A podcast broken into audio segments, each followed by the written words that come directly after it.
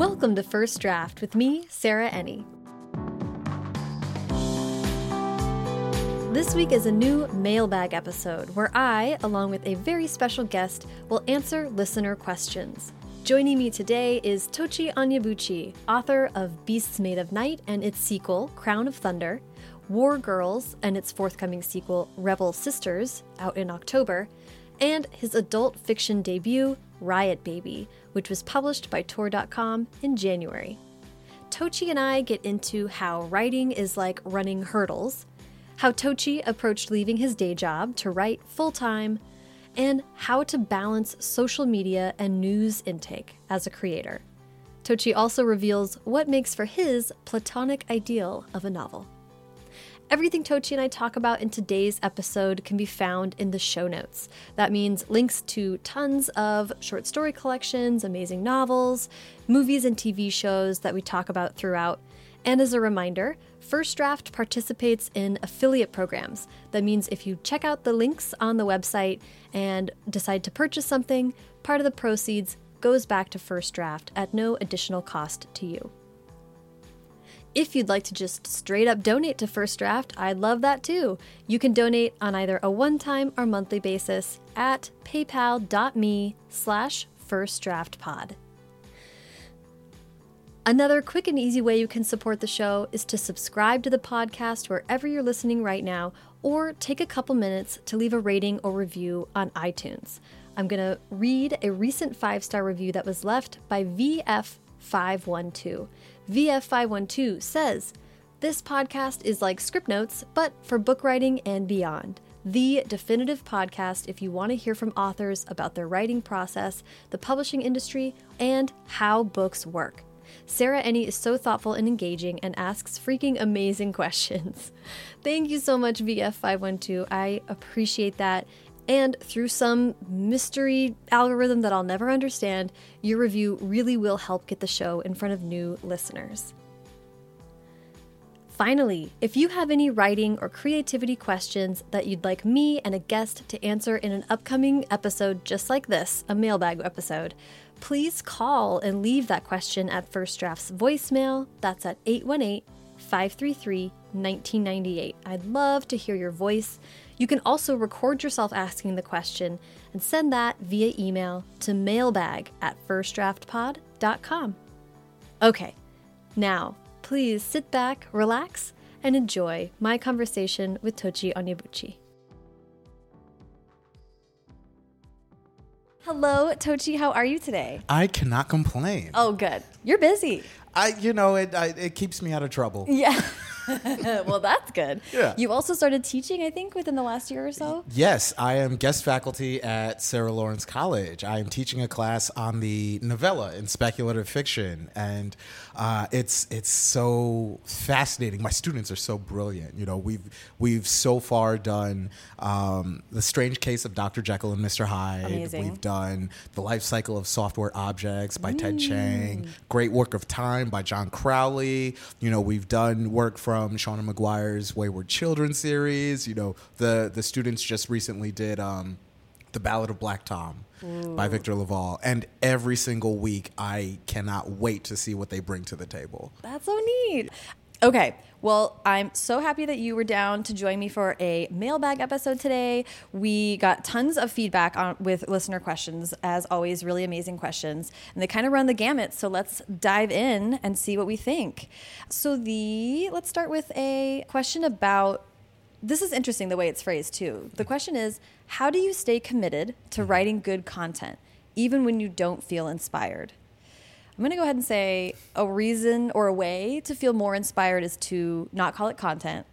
yeah, they're like this very this very millennial. It's very millennial. Yeah. It's, it's very like, and I'm not trying to like harp on someone's word choice because I know it's not not a big deal, but it does indicate to me sort of where your head is at if you're thinking about what you're writing as like a product, mm-hmm. though it definitely ultimately becomes a product. Yeah. It needs that early phase of a little bit more sheltered romantic.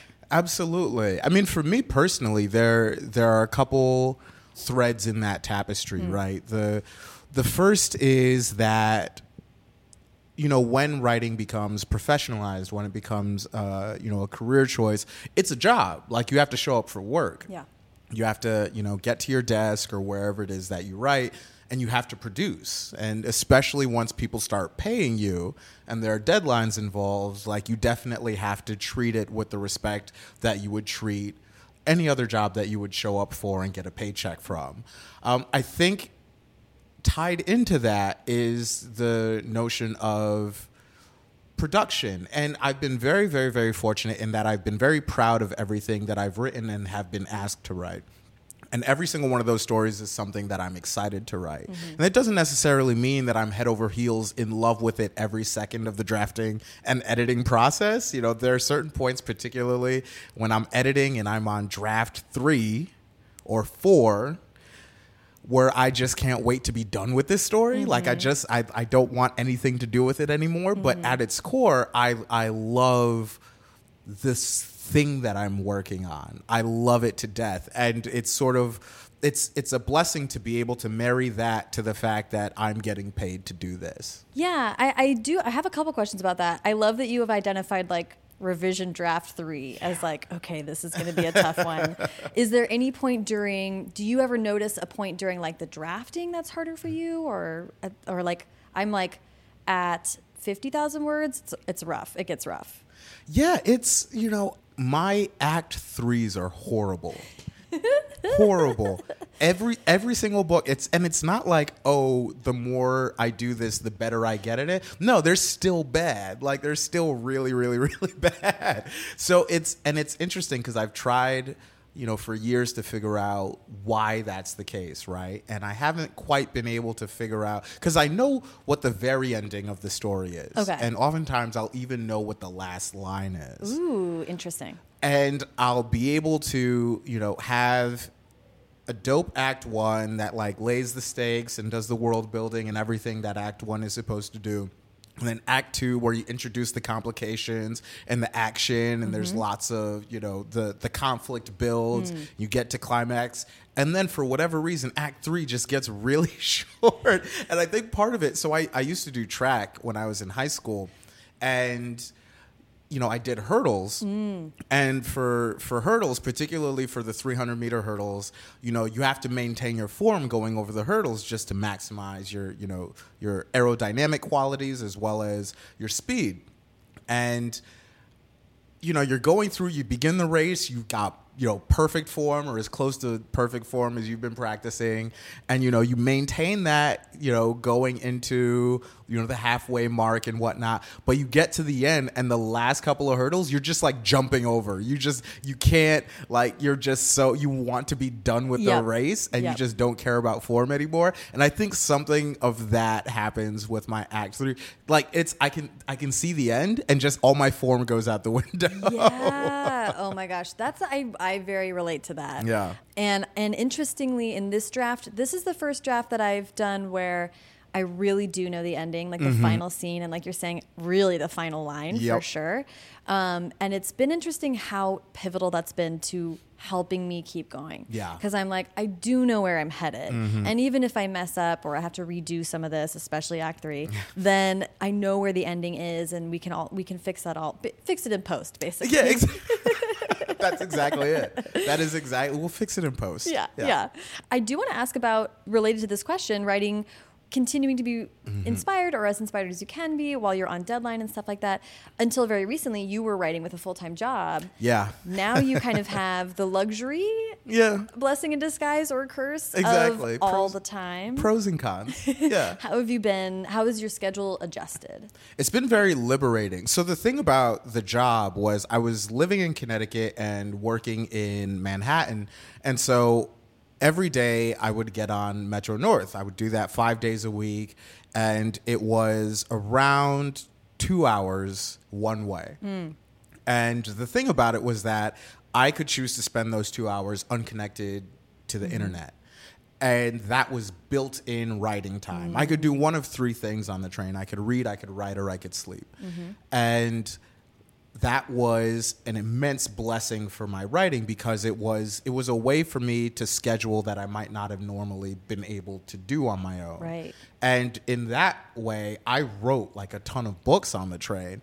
At the same time, you know, at that time I was writing and editing, I was touring, and I was doing the day job. And I mm-hmm. can do two out of those three really, really, really well. Right. But when it comes down to doing all three simultaneously, the tax on my mental health was just too great. And mm-hmm. so ultimately, it was you know that was the reason behind my decision to go full time and i had to make sure that i had enough of a financial cushion to make that decision and for me there was a specific number in my head that i needed to have in savings right mm-hmm. So i didn't like really have savings before i started working. This mm-hmm. was all stuff that i had earned and sort of put away. And once I'd reached that number, I came to that number in part because I wanted to I wanted to be able to say to myself, okay, if I don't sell anything for a year, mm-hmm. if I don't make any money for a year, I can still maintain my current standard of living. That's huge. That was the barometer that I set for myself. And once I'd gotten there, I was like, okay, I can feel much more comfortable making the jump. And, you know, thankfully I have been able to, to sell things and, and have a very productive year. It's actually, this is, I left that job in March of 2019. So Wow. it's been officially a A year. Year. Yeah. Wow. Good for you. Thank you. Thank That's- you. You have definitely maximized this year. yeah. You're- exactly. You're really doing it. But it's it's interesting too because you also mentioned or alluded to, you know, blessing and a curse. Yeah. And the occasional downside to having unstructured days is that it's very easy for me because I'm a binge writer, Mm. right? Like I once I start a project, it's the entirety of my life until I finish it. Mm-hmm. You know, personal relationships fall by the wayside. Like, you know, I, I don't eat healthy anymore. Like Mm-hmm. everything sort of, you know, falls away and all I care about is the project. While And- you're drafting. Exactly. Yeah. Until I get to the end of that and then I sort of crawl out of my hole and like, you know, I'm squinting into the into the sun and you know, my beard is like full we're going we're talking full Tom Hanks and Castaway like, you know, it's it's like that. Yeah. And um you know, I have to guard against that because one of the things that drives that is the guilt that attends not being productive. And Mm-hmm. it's like, oh, if I have time, I should be working. Mm. But then that turns into, oh, I should be working all the time. All the time. And that's just not, that's neither healthy nor productive. Right. Yeah. And it's tough to have clarity on that. Yeah. The artistic process, we're also always like encouraged to see the artistic process as this thing that we can't control and it's like whatever. But at some point, you really kind of have to. Mm-hmm. Yeah.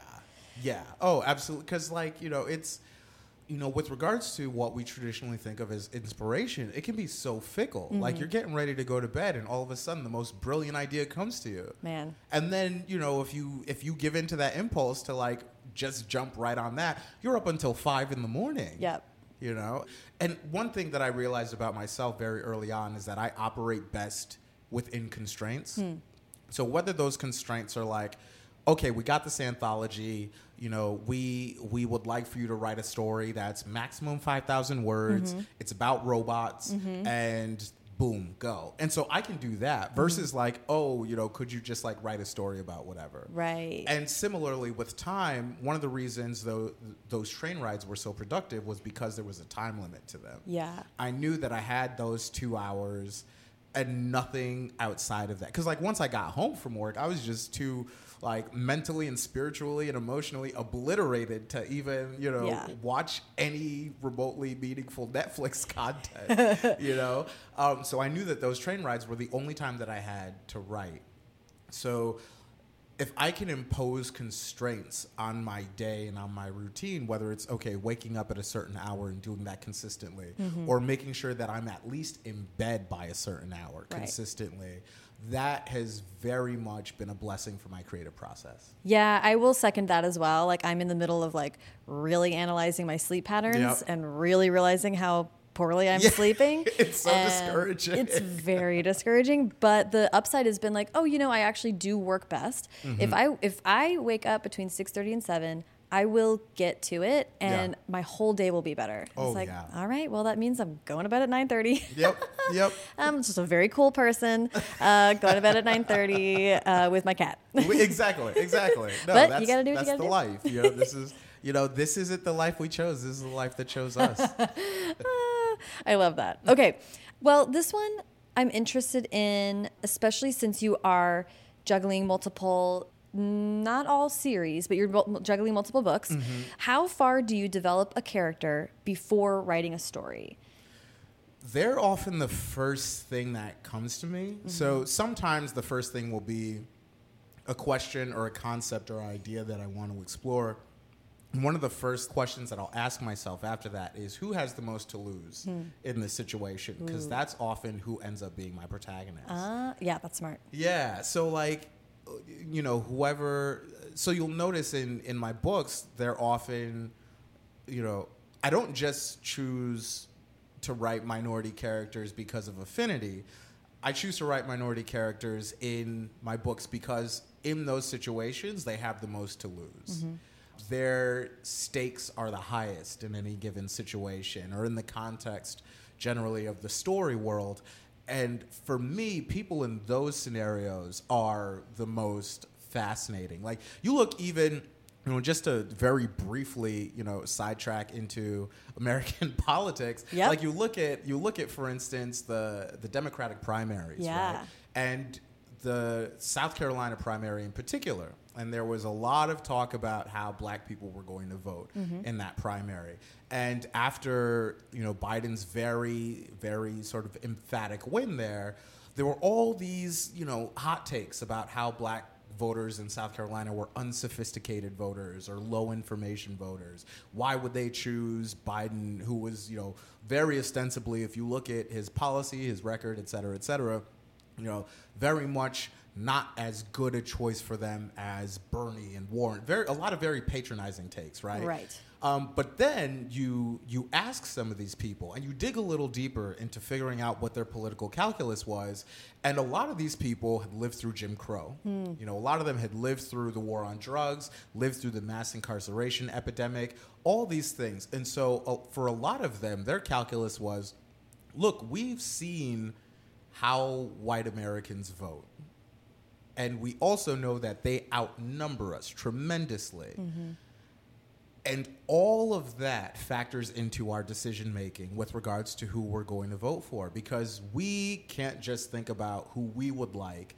We have to think about who are white people, who are white Americans more likely to vote for. Right. And you you like think about there there's such complexity at work there. Yeah. Because they have actual skin in the game. Like Yeah. literal skin in the game. And so that to me is much more interesting than conversations about electability or who you would choose that center white voters. Mm-hmm. And similarly with my stories, I choose the characters I choose because you know when you have the most to lose that your situation is just automatically more complex and conflicted and interesting to me. Yeah, I was going to say not only higher stakes, but so many factors going into any Mm-hmm. decision a character makes. Well, maybe we can jump into curating your online experience as a question based on that, because Mm-hmm. gratefully I missed a lot of those hot takes, which are pure garbage.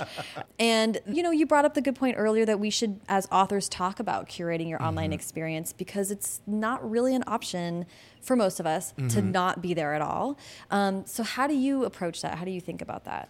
Yeah, so so I've always been very interested in the world around me, mm. um, especially sort of outside of America. In college, I was poli sci with a focus on you know political economy in international relations. Mm-hmm. So I am very much interested in what's going on in Latin America, mm-hmm. in France, in South Korea, in you know Cameroon and Nigeria and whatnot. So I follow a lot of news, and I I get a lot of of input there, I read a lot, particularly like long form stuff. Mm-hmm. And so that's one way in which, particularly with my online engagement, I'm able to sort of maintain a longer attention span. Mm. Now, with regards to social media, Twitter specifically, your experience is is informed and shaped by who you follow. Yeah. And that's where the choice is, right? Like who you follow. So, you know, you don't really you have much less control over who follows you, right? And if you choose to follow all like, you know, comedians and funny accounts, that's going to be your Twitter experience, Mm-hmm. you know, and you can promote your book and you can, you know, do whatever, but what's going to appear on your timeline for the most part is going to be jokes. Yeah. You know, if you if you are a member of X Twitter and all you follow is X-Men accounts, that's going to be your experience, right?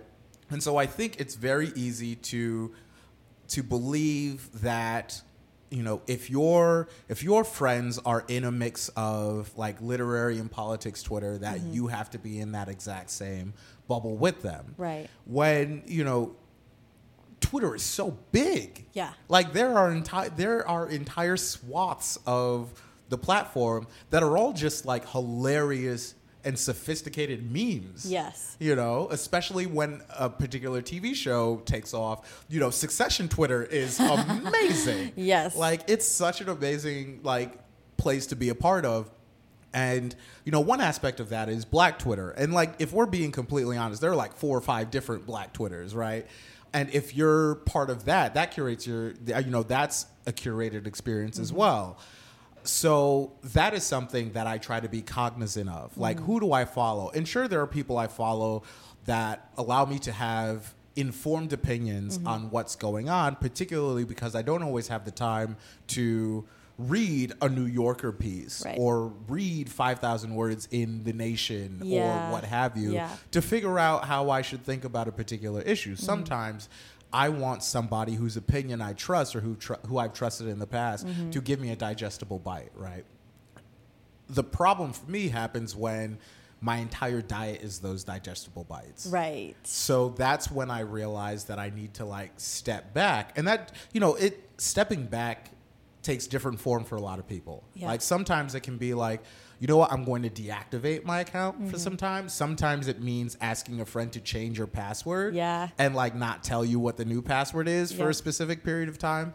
Sometimes that means like deleting your account altogether, right? It can take different forms, and a lot of that is a personal decision that a person needs to make. Sometimes it can simply be like unfollowing certain people, right? Because the mute button is always available to you. Exactly. So there are all these mechanisms that are built in, and I feel like, you know, there is a compulsion to to follow certain accounts or to be involved in certain discussions. Like that's another thing too, is you don't have to say something about everything that happens. My God. Can I please put that in skywriting? That is and and and like very seriously to your mm-hmm. point, I respect very much people wanting to go online say after these horrible tornadoes in Tennessee that were so devastating going online and saying like I'm really thinking of of all you know my readers and my uh, writer friends who are in Tennessee like and being up retweeting resources for people and things like that it's very real though that you do not need to do that. Yeah. And and I just I don't I mean this is simple but I'm just going to say it cuz I think it needs to be said uh, frequently. I I don't feel like if I don't contribute to that conversation that anybody's taking stock Mm-hmm. or noticing or like anyone's going to be worse off if I don't weigh in on and that's like a benign example but you Mm-hmm. Yeah. know I choose not to be on social media and think that way. Absolutely. Yeah, no, and, and it's it becomes particularly poignant as an issue when you're dealing with, say, for instance, literary controversies. Totally. Or something that happens in Kidlit and a particular community is harmed. And oftentimes I feel like there's a compulsion to speak up on Twitter about it. Right. Right. And that for me isn't necessarily the way in which I can be most effective in helping to repair that harm. Mm-hmm. Right. Like one thing for me so i was very i was very fortunate recently to have made an appearance on the daily show to talk mm-hmm. about riot baby i made a choice to wear a particular t-shirt that said abolish ice on it and it was made and designed by uh, a particular twitter user and sold by uh, dusty cat merchandise. And I wore that shirt because I wanted to draw attention to it because that merchandiser, all the proceeds that go from that uh, the sale of that T-shirt go to an organiza- organization, um, RAICES in Texas, that works with immigrant families and also immigrants in general with regards to providing legal and social services for them. Mm-hmm. So that's a very tangible way in which you can benefit a community that didn't necessarily involve Twitter. The only way right. Twitter was involved was in like you know retweets and spreading the word and you know attribution and whatnot. But you know that's totally different from say for instance me saying oh it's horrible that kids are getting locked in cages right. because right? you know while that's true i that i'm not necessarily helping. And also too it bears remembering that twitter is not the world. Thank you. Like there's so much of what's going on outside of twitter and it's very easy to get sucked into the idea that if it doesn't happen or isn't talked about on Twitter, then it's not being talked about by anybody else. Yeah, that's and especially this year of all years, it's really important to remember that. Uh, what what do they call it? Internet slacktivism. Yes. yeah. Yes. Yes. So, but but also too, there's a there's another side to online presence, right? That we feel as authors, and oftentimes we're we're nudged in this direction by our publishers to have an online presence that allows you to sell your book. Right.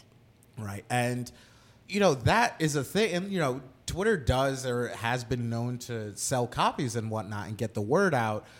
But, like, this goes to also what we were talking about earlier about a lot of those people not being on Twitter or in your particular Twitter circle. Like, mm-hmm. a lot of those people are there are going to be people who buy your book who aren't going to be reached by retweets. Absolutely. You know, and so I think it's up to you to decide how you want to use social media. Right. Right. Like if Facebook is your platform of choice, you know, there you go. If yeah. Twitter's your platform of choice, if Instagram's your platform of choice, also know that like those platforms are there for different things, you yes. know. And like me personally, you know, I'll promote my book and everything, but also it I wanted to feel organic. Yeah. And at the same time, too, I really want it to be part of my own curated Twitter experience. Yeah. So it's not just all book all the time. Yeah. Like I often I make jokes and I talk about anime and all types of other yes, stuff. Yes, I would qualify you as a good follow. Yes.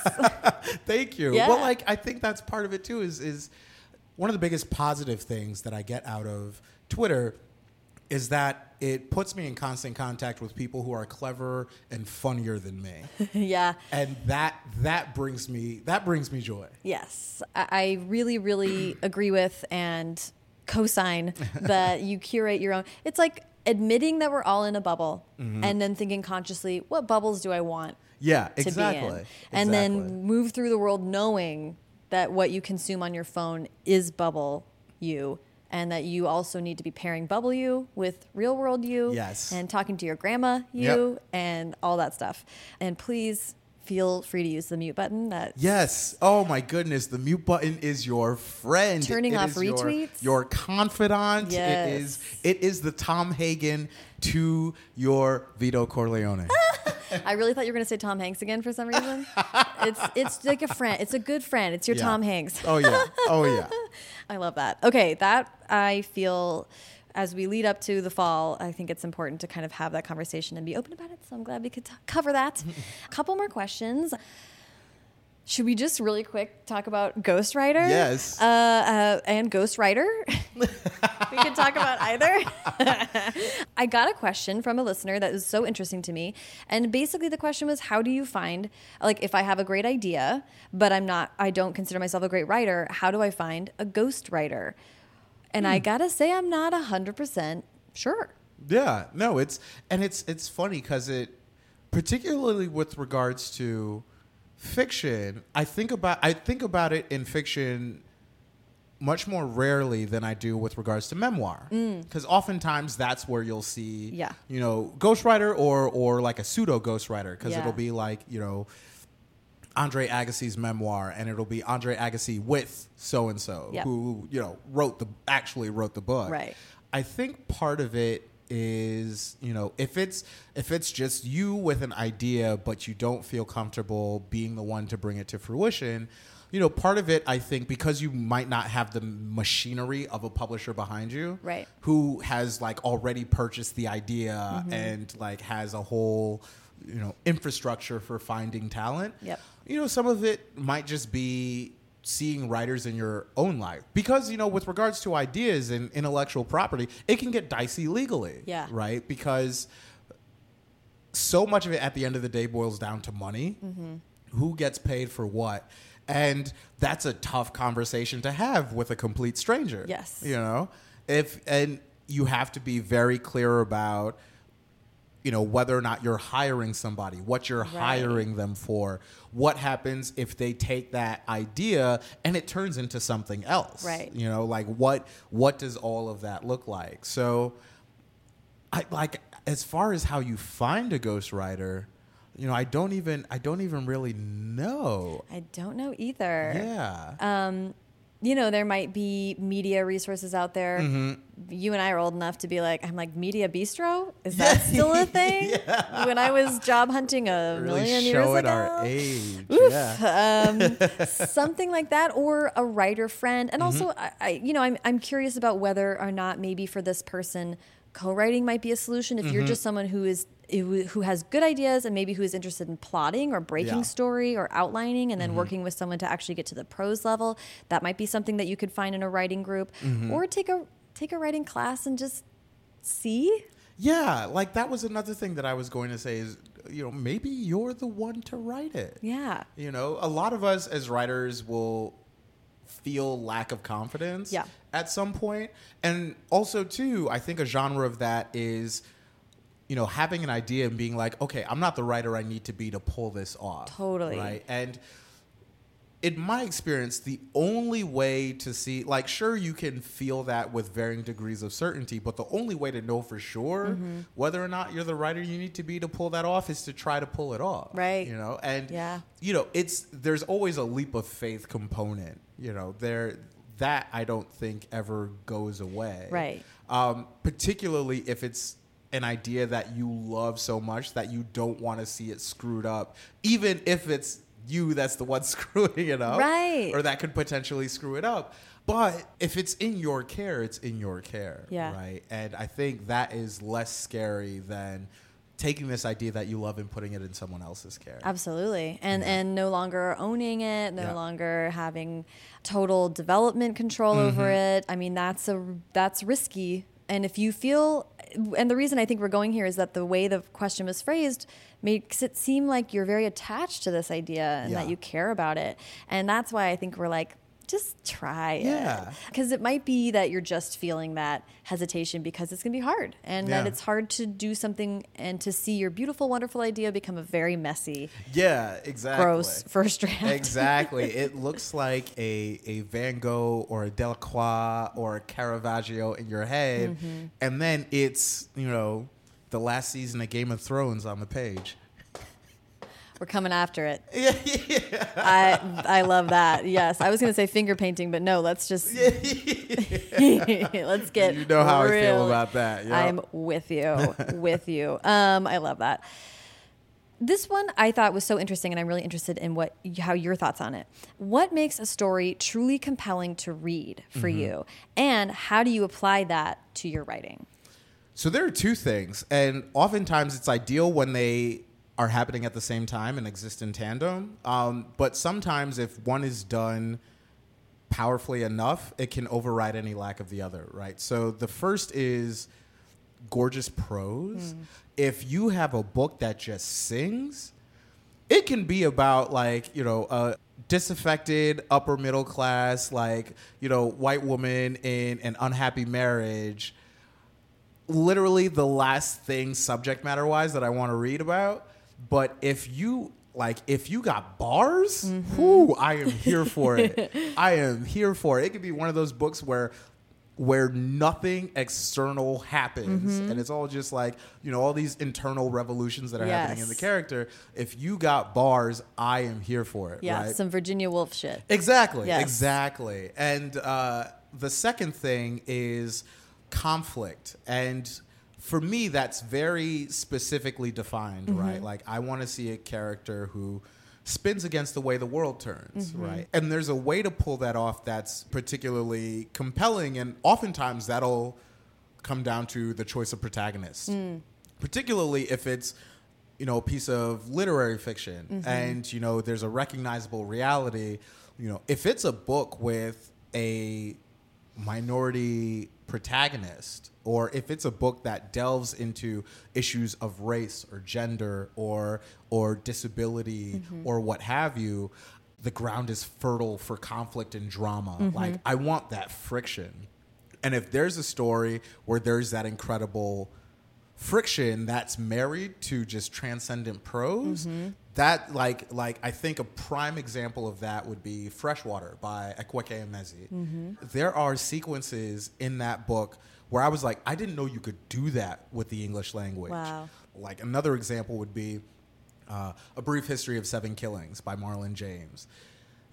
The audacity of that novel like imagine as I lay dying, but instead of the center event being Addie Bundren's funeral, the center event is a 1976 assassination attempt on Bob Marley, and it's told 85% in Jamaican patois. Like, how dare this book exist? it's just like that. It had ev- so many elements of what I love in a story, mm-hmm. and it was daring and it was dynamic and and you know I love looking at the architecture of books too. Yeah. And you look at the architecture of that book, and it's just so structurally daring. Mm-hmm. And you know, if it's all those things tie into, is it interesting to me? Yeah. Is a book interesting to me? And that I think is what makes it compelling because it can be a book can be compelling on a structural level, like if mm-hmm. it does really interesting things that way. A book can be compelling with regards to its subject matter. Mm-hmm. Book can be compelling with regards to its characters Yeah. and its choice of characters. Um, and if all those things are happening at once, then you've got like the platonic ideal of a novel, right? Yes. And it's very rare to find that, but I found that those are often the elements that I that I gravitate towards. Yeah, and and I take it that then you, in looking at your own work, Yes. are interrogating that. Absolutely. Like I I really I really try to have as many of those compelling elements as possible. I think another thing too is I write the type of books that I want to read. Yeah, And that I think has made it very helpful in terms of me asking the question and answering it is this compelling? Mm-hmm. Is this the thing that I would want to read? Mm-hmm. You know, and I've been fortunate enough that what I want to read is also, it turns out, what a lot of other people want to read. Yeah. So thank you from the bottom of my heart. yes, that's that's. I love laying it out like that, and I will add to that that I really feel I really love confidence in a book when I'm mm-hmm. reading it, and and what I've discovered that for me, I feel confidence when I when I read a book and can tell that the writer is trying to is grappling with ideas. Mm-hmm. So I want to be careful in how I say this, but like because I don't think I'm not saying that I like books where authors are trying to convince you of something, or where authors are, uh, where it's some kind of fable, or or you know mm-hmm. what's the word, like a fortune cookie wrapped in prose. Yeah. Like that's not what what I mean.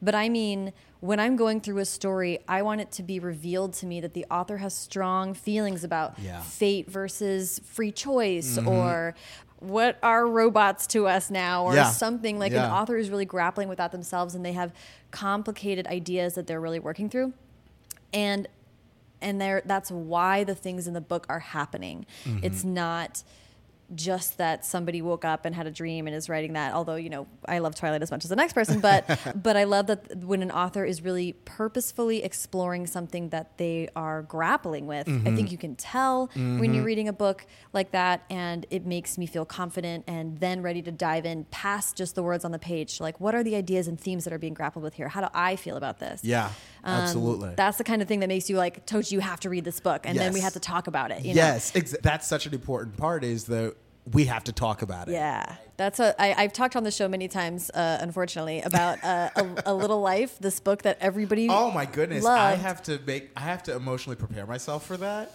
Well, here I'm here to tell you, I hated it. but the reason I bring it up by name is that I don't not recommend you read it. Yeah. Because while I did hate it, I could talk for Yeah.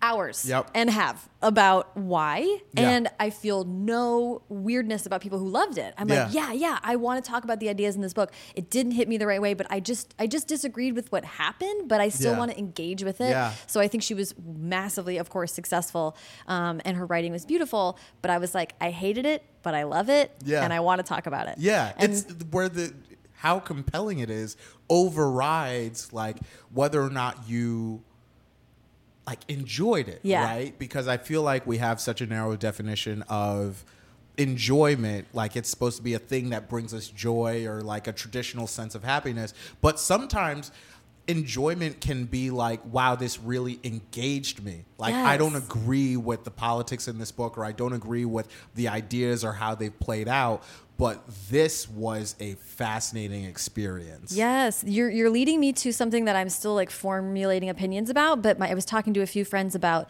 uh, the evolution of fan fandom and fan culture, and and one of the things I see being a disservice that fans put on themselves is the assumption going into these conversations that you have to like everything Yeah. and enjoy everything Yeah. and and and using the words good versus bad when we talk about TV shows versus like the good place is it the best TV show ever no but I think it's worth watching and it was Mm-hmm. really interesting I have like thoughts about it and that's enough Yeah.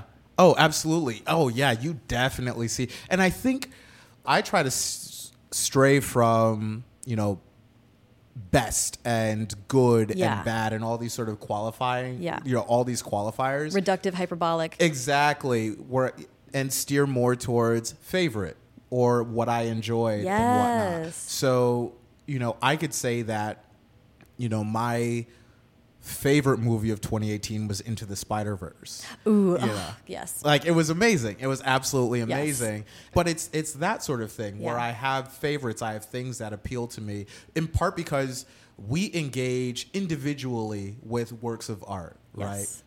And Watchmen hit me a different way than it hit a lot of my non-black colleagues who are in entertainment, in art, and who create art, right? Mm-hmm. And that doesn't necessarily detract from its goodness or badness or what have you, mm-hmm. right? And similarly, a lot of my Asian American friends reacted differently to Watchmen than I did, mm-hmm. right? And the, and and that isn't to invalidate their opinions or their stance on it or anything like that. If mm-hmm. anything, that enriches the conversation Right. about this sort of thing. And so I yeah, those those sort of qualitative adjectives I try to stray away from. I think a tree branch on that on that oak is the idea that stories have a moral imperative yeah because that's a very contentious thing. Like, Yeah. oh, does does this story's existence benefit or harm a community? Right. And that's something that I struggle with because, like, as a as a black person, for instance, it's difficult for me as a black writer to say a particular story shouldn't exist because it perpetrates harmful stereotypes or because it you know takes away from a nuanced understanding of black people. Mm-hmm. And part of that i think there's a there's a privilege that comes with being able to maintain that position. And i think part of it is that black americans have reached a certain level of cultural social political capital that allows for i think a certain level of insulation hmm. that other demographics don't necessarily have. And that isn't to say that you know there are no black stereotypes or there's no harmful depictions of black people or what have you. You know we're not powerful in that sense. But i do believe that privilege insulates us in a way that it doesn't necessarily other demographics. And you know that's also why a show like a black lady sketch show is so groundbreaking is mm-hmm. because that you know a show that's just like for and by black women mm-hmm. you know and that can get at the multiplicity of that experience mm-hmm. is in and of itself revolutionary because there are so few examples of that sort of thing. Mm-hmm. Um, but i hesitate to attribute a moral quality to that stories that shows existence Right. you know because it gets very close to endorsements of censorship for me. Right. You know, if we imbue in stories an imperative towards responsibility, you know, it gets difficult for me because you know, I'm not necessarily worried that like my stories will be censored, but I am worried that I will be that my experience of art will be lessened for the fact of a story's exclusion.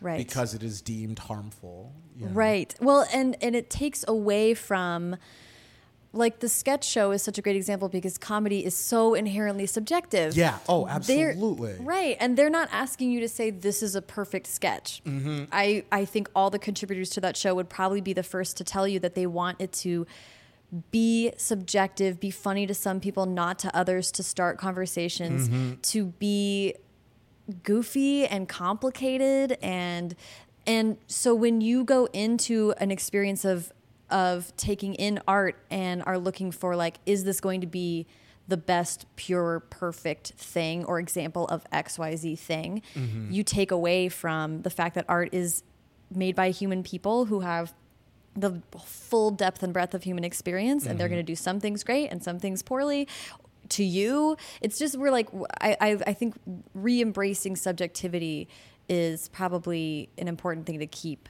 in Yeah, mind. Absolutely. And I think I think the answer to a lot of quandaries that people have about this sort of thing is just more. Yeah. Right? Like Right. you walk into a bookstore, you walk into a library, there are a million and one ways to be white and straight, yes right? Whereas other demographics just don't have that diversity Mm-hmm. of experience out there. There or, or at least diversity of depiction. right And when we can get to that place, I think that will be a better marker of equity than, you know, almost anything else. Because, you know, no matter your demographic, your experience is individual, mm-hmm. right? Like my experience is different and can be worlds away from the experience of somebody else who who you know, another, you know, straight black 32 year old dude mm-hmm. who even may be creatively inclined. Mm-hmm. Like we could have polar opposite experiences of the world, of this country, of whatever city we're living in. Um, and if there's only a story reflecting one of us, you know, that speaks to a paucity of depiction. right So I think, you know, whether it's, you know, no matter your marginalization, no matter your demographic, if there are just more stories about you, more stories about who you are and who people like you are, you know, the better I think we'll all be. Absolutely Yeah, because like also too, you know, I think there's pressure, and you see this especially in film, right? Hmm. Like with black filmmakers, there's pressure to make the perfect product. right You know, somebody who say is disappointed in the way that Queen and Slim engaged police brutality and issues surrounding police violence may be hesitant to speak their their their misgivings because they don't want to be seen as taking away from the support of black film. right Whereas, like that diminishes our whole engagement with art because you know if there's if there's a problematic piece of art, like I want there to be a rich conversation surrounding why that is problematic and why it might not be problematic for certain people, um, because that also can inform other art that gets produced. Yes. you know. Other filmmakers will be listening to that conversation and being like, okay, when I make my movie, this is something that I'll be keeping in mind. Yes. And and I think that's such a keyword conversation. One piece of art being the be all end all Mm-hmm. or like um, I think it's less this way, but for a while, right, female leads in movies, it was like, well, this is the one Yep. that we're doing Yep. this year, and if it flops, then women can't open movies. Exactly, And It. I mean, I think we're past it, but it was such a de- devastating thing to be like, well, everyone has to go see this movie, and, Yeah. and you can't breathe a word if you don't like it because we only get the one this year, um, and that just makes everybody. It just thins out the experience for everybody, um, as you're saying. Let's wrap up by talking about what's next for you. Mm-hmm. So much. Oh man. Well, in October, the sequel to War Girls will be out, titled Rebel Sisters, and it has a cover that I love dearly.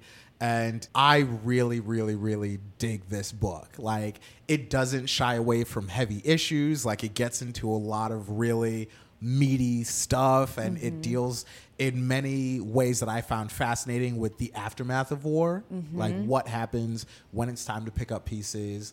You know, the issue of memory. How do you move forward? How do you, you know, pay respect to what's happened before? How do you internalize? Because it's trauma. There's mm-hmm. so much trauma that's happened. Mm-hmm. How do you move forward from that? And so, in many ways, the book is an exploration of different ways in which a lot of these characters. Uh, try to continue living. Uh, so that's going to be very exciting. And I have two more books that I'll be doing with Tor.com. Um, they don't have dates yet, but I would say, you know, watch this space over the next couple of years. the first is titled Goliath, and it's a story of uh, these brick stackers that live in a post apocalyptic New Haven, Connecticut, that have to deal with gentrifiers from space. Uh, amazing. I love that. That's fantastic. And also, I have to say, uh, very rude for for me to have to wait longer for Rebel Sisters. Um, your uh, cliffhangers of your books are very torturous. I, you know, it's I respect it, but I'm upset about it. it's a vibe. it's a vibe. Ah, I'm so excited. Well, thank you so much for joining me today, Tochi. What a pleasure. The pleasure was all mine. Thank you so much to Tochi. Follow him on Twitter at Tochi True Story and Instagram at T R E I Z E 64. And find me on both at Sarah Enni and the show at First Draft Pod. Haley Hirschman produces First Draft. The theme music is by Dan Bailey, and the logo was designed by Colin Keith. Thanks to production assistant Tasneem Daoud and transcriptionist at large Julie Anderson. And as ever, thanks to you who have made First Draft a part of your bubble for listening.